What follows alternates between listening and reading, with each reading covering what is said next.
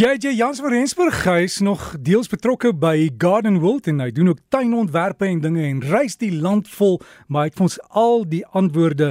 Goeiemôre JJ, ek het 'n navraag gehad. Iemand sê hulle het een van hierdie broodbome en die mooi groen donker blare het sulke geel kolletjies op. Wat kan dit wees? Ja, Derek, ja, nee, dit is interessant met die geel kolletjie op die op die lare op die broodboom. Is gewoonlik jou uitheemse broodboom of jou sagopalm wat dit die meeste kry en dit is jou Cycas revoluta. Nou die Cycas revoluta, as hy daai kolletjies op die blare het, kan dit wel soos jy nou net genoem het, dit kan daai bietjie waterdruppeltjies wees wat die vergrootglas word. Dit kan 'n fungus wees wat wel die blare ook aanval. Ehm um, dan kry jy maar daai geel kolletjies. Daarvoor kan jy gewone fungusdoder soos 'n Mycogard gebruik wat 'n redelike alomvattende fungusdoder is. En dan kan dit ook natuurlik net gewone haal wees. Ja, jy sê my nie glo nie. Ons kry dit baie gereeld dat die haal wel 'n probleem is dat uh mense nog nie dit eers sien. Hulle het haal gehad en daai fyn haal wat mense altyd dink wat nie regtig baie skade doen nie. Jy kry eers daai skade heelwat later. En mens moet nooit vergeet nie die haal het baie stikstof in, so dis goed vir die grond, die tuin, die plante. Ek weet dit beskadig goed. Maar JJ, is dit die tyd van die jaar wat ons alles nou moet uithaal, die seisoen verander? Moet nou net nie jou somersaailinge nou al te vinnig uithaal nie. Baie van die saailinge gaan al begin saad skiet en 'n mens kan die saad nou al begin bymekaar maak. Mits dit natuurlik klaar ryp is aan die plant. Onthou jy kan nie groen saad pluk en dink dat dit gaan ryp word in nie houer waarin jy dit gaan stoor nie. Dit moet ryp word aan die plant. Dit moet behoorlik ontwikkel voordat jy dit kan oes. Nou gewoonlik kan jy sommer sien as hy begin van kleur verander of as hy begin verdroog, dan weet jy ten minste hy is heeltemal klaar ontwikkel so dan kan jy dit nou mooi oes en jy kan dit eenkant hou. Baie belangrik is maak seker dat jy dit altyd oes in 'n papiersakkie, in 'n koevert, uh in 'n kartonboksie. Jy kan uh, selfs ek vat baie keer vat ek net 'n A4 papier en dan vou kom sommer in dubbel en dan kan 'n mens so jou eie koevertjie amper daarmee maak en dan kan jy baie maklik 'n nota maak van wat in die pakkie is of in die houer is op die houer self en wanneer dit weer gesaai moet word. Jy weet wie wie weet dalk gaan jy dit dalk nie hierdie somer of hierdie lente wat nou kom weer gebruik nie, maar dalk eers oor 'n uh, somer of twee later. Natuurlik gaan die ontkieming nie heeltemal so goed wees nie. Ons wil altyd probeer om dit so vroeg as moontlik te ontkiem of so vinnig as moontlik weer te saai, dan weet ons ons gaan die beste ontkieming daarvan af kry. Maar ek sê altyd vir die mense pas op om dit nou in 'n plastiese sakkie te bære of dalk jy weet ons almal wil mos altyd 'n margarienbakkie 'n derde en 'n vierde keer ge gebruik of jy kan dit nie in 'n plastiese houer enigsins bære nie want dit gaan sweet, dit gaan mif en dan gaan dit ongelukkig heeltemal nutteloos wees. Nou, ons het baie gereën oor groot gedeeltes van die land gehad en die mense wonder nogal of dit 'n impak gaan hê op ons wintertemperature. Nou ons sal maar moet sien hoeveel mense is reg oor die voorspellings wat nou geplaas word of oor die vergelykings wat hulle maak met die hoeveelheid reën wat ons kry, hoe koud hierdie winter regtig gaan wees. Daar's baie mense wat sê omdat die land so baie reën gehad het, omdat ons soveel natter is, gaan ons baie kouer wees. En ja, laasweek met die koue wat deurgetrek het in die binne in die in die hoofveld of op die hoofveld, het ek nogal gedink ons het hierdie jaar heeltemal die herfs gemis en ons het dadelik na die winter toe, maar ja, ons het nou weer 'n paar lekker warm dae gehad. Ons moet onthou, saad wat geoes kan word wat die volgende seisoen baie suksesvol gekweek kan word as ons kyk na blomplantjies, is natuurlik die afrikanertjies, jou papierblomme, vygies en selfs van jou hanekamme. Daar's eintlik nog baie meer wat 'n mens kan gebruik, maar hierdie is maar jou maklikes wat 'n mens net kan oes en eenvoudig weer kan saai.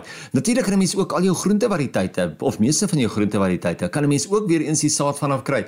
Hê sy dit nou tomaties of pampoene of wat ook al is, is altyd lekker om jou eie saad te kan kweek, jou eie saad te kan oes sodat jy weet jy kan dit die volgende jaar kweek of selfs by vriende en vriendinne of so uitruil. Jy weet, maak net altyd 'n nota van dit wat jy binne in die pakkie sit, wat jy daarin gesit het, wanneer dit geoes was, wanneer dit weer gesaai moet word of geplant moet word en dan weet jy dat as jy weer jou kas oopmaak en jy maak reg om in die lente weer tuin te maak, dan weet jy dan wat het jy daarso in jou kas, wat moet jy weer gaan aanskaf en wat nie.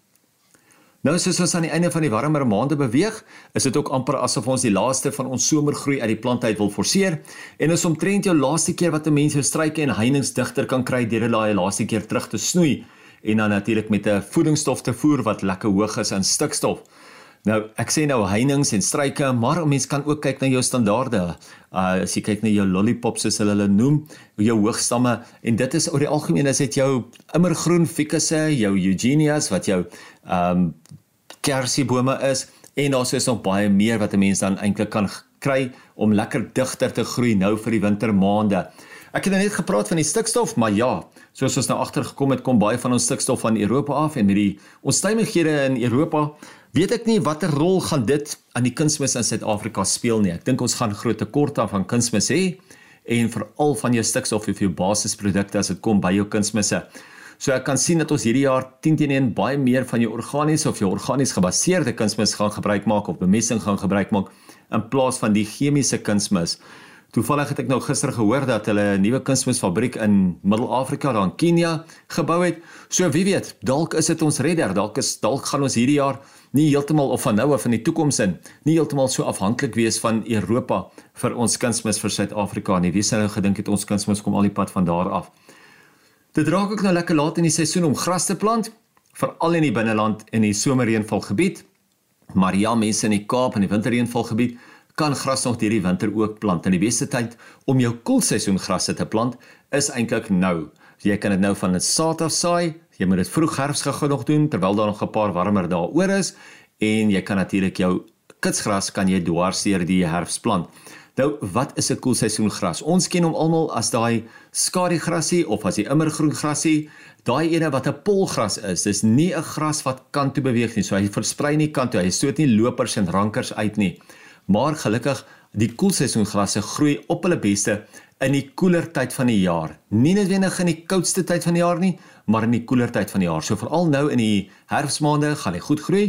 Wintermaande gaan hy 'n bietjie stil staan, nie regtig baie sterk groei nie. Lente gaan hy weer sterk groei en dan as die somer deurkom, en jy bly dalk ergens waar jy warm droër somers het of waar hy regtig 'n sterk wortelstelsel moet hê, teen dan behoort hy al lekker sterk te wees en dan behoort hy ook al self na hom te kan kyk. So gaan kyk bietjie uit vir daai skadigrassies, daai immergroen grassies, daai donkergroen polgrasse wat 'n mens gewoonlik of van saad afkweek of wat jy die kusgras voorplant en dit is dan baie lekker om dit nou te plant. Maak net doodseker dat jy hom goed nat maak nadat jy hom geplant het, stamp hom vas, rol hom vas, maar genoeg water is altyd belangrik. As jy met saad werk, moet jy pas op om natuurlik nie al jou saad net een kant toe te was nie, want baie mense was al daai saad aan die buitekant van die bedding toe of na die buitekant van die grasperk toe en dan sit jy op die einde van die dag met redelike groot kaal kolle. So probeer maar eerder om 'n fyn sagte sproeier daar te gebruik. Ons plant van die week vir hierdie week is weer eens 'n pragtige tropiese vullerstruik wat fyn lowergroen blare het en dun neon-oranje blommetjies, eintlik uh, oranje-rooi blommetjies aan die einde van die takke. Algemene gras, uh, algemene naam jammer, is natuurlik fonteingras en sy botaniese naam is Roselia, maar hierdie variëteit waarvan ek nou praat, is die firecracker. Wat maak hom anders as die ander? Die firecracker blom baie meer. Hy's baie korter, hy's digter, hy's 'n baie meer kompakte plant en ek hou self daarvan om hom in 'n bedding langs 'n fontein of so te plant want hy hou van baie water. So dit is 'n plant wat meer water waardeer. So 'n plant om eerder ergens waar hy lekker nat kan wees of in goeie grond waar jy hom baie gereeld kan nat maak. Hy hou van halfson, halfdag son tot voldag son en natuurlik het ek al gesien hoe meer son hy kry, beter blom hy natuurlik. Hy groei so om en by 'n meter hoog, meter wyd en hy's immer groen, hy's gehard is regtig 'n baie lekker vullerplant. So as jy ietsie soek wat lekker baie blom met hierdie lang hangende takke, gaan kyk bietjie uit vir hierdie Roselia. Jy spel hom soos die naam Russell met 'n IA aan die einde, soos Russell uh, Roselia. Ek amper sê ek Russell IA. maar dit is die firecracker variëteit. Dankie JJ Russell IA sal werk vir my en dit dan ons tuin bydra saam met JJ en hy plaas vir ons die inligting oor die plant van die week ook op die Breakfast Facebook bladsy. Iemand sê dat hulle sukkel om die bladsy te kry. Gaan net daar by facebook.com dan tikkie skynstreep breakfast die Afrikaanse spelling. Dan sal jy hom kry. In die breakfast moet jy net die woord breakfast. Jy kan hom soek, sluit aan by die groep en lekker tuin maak.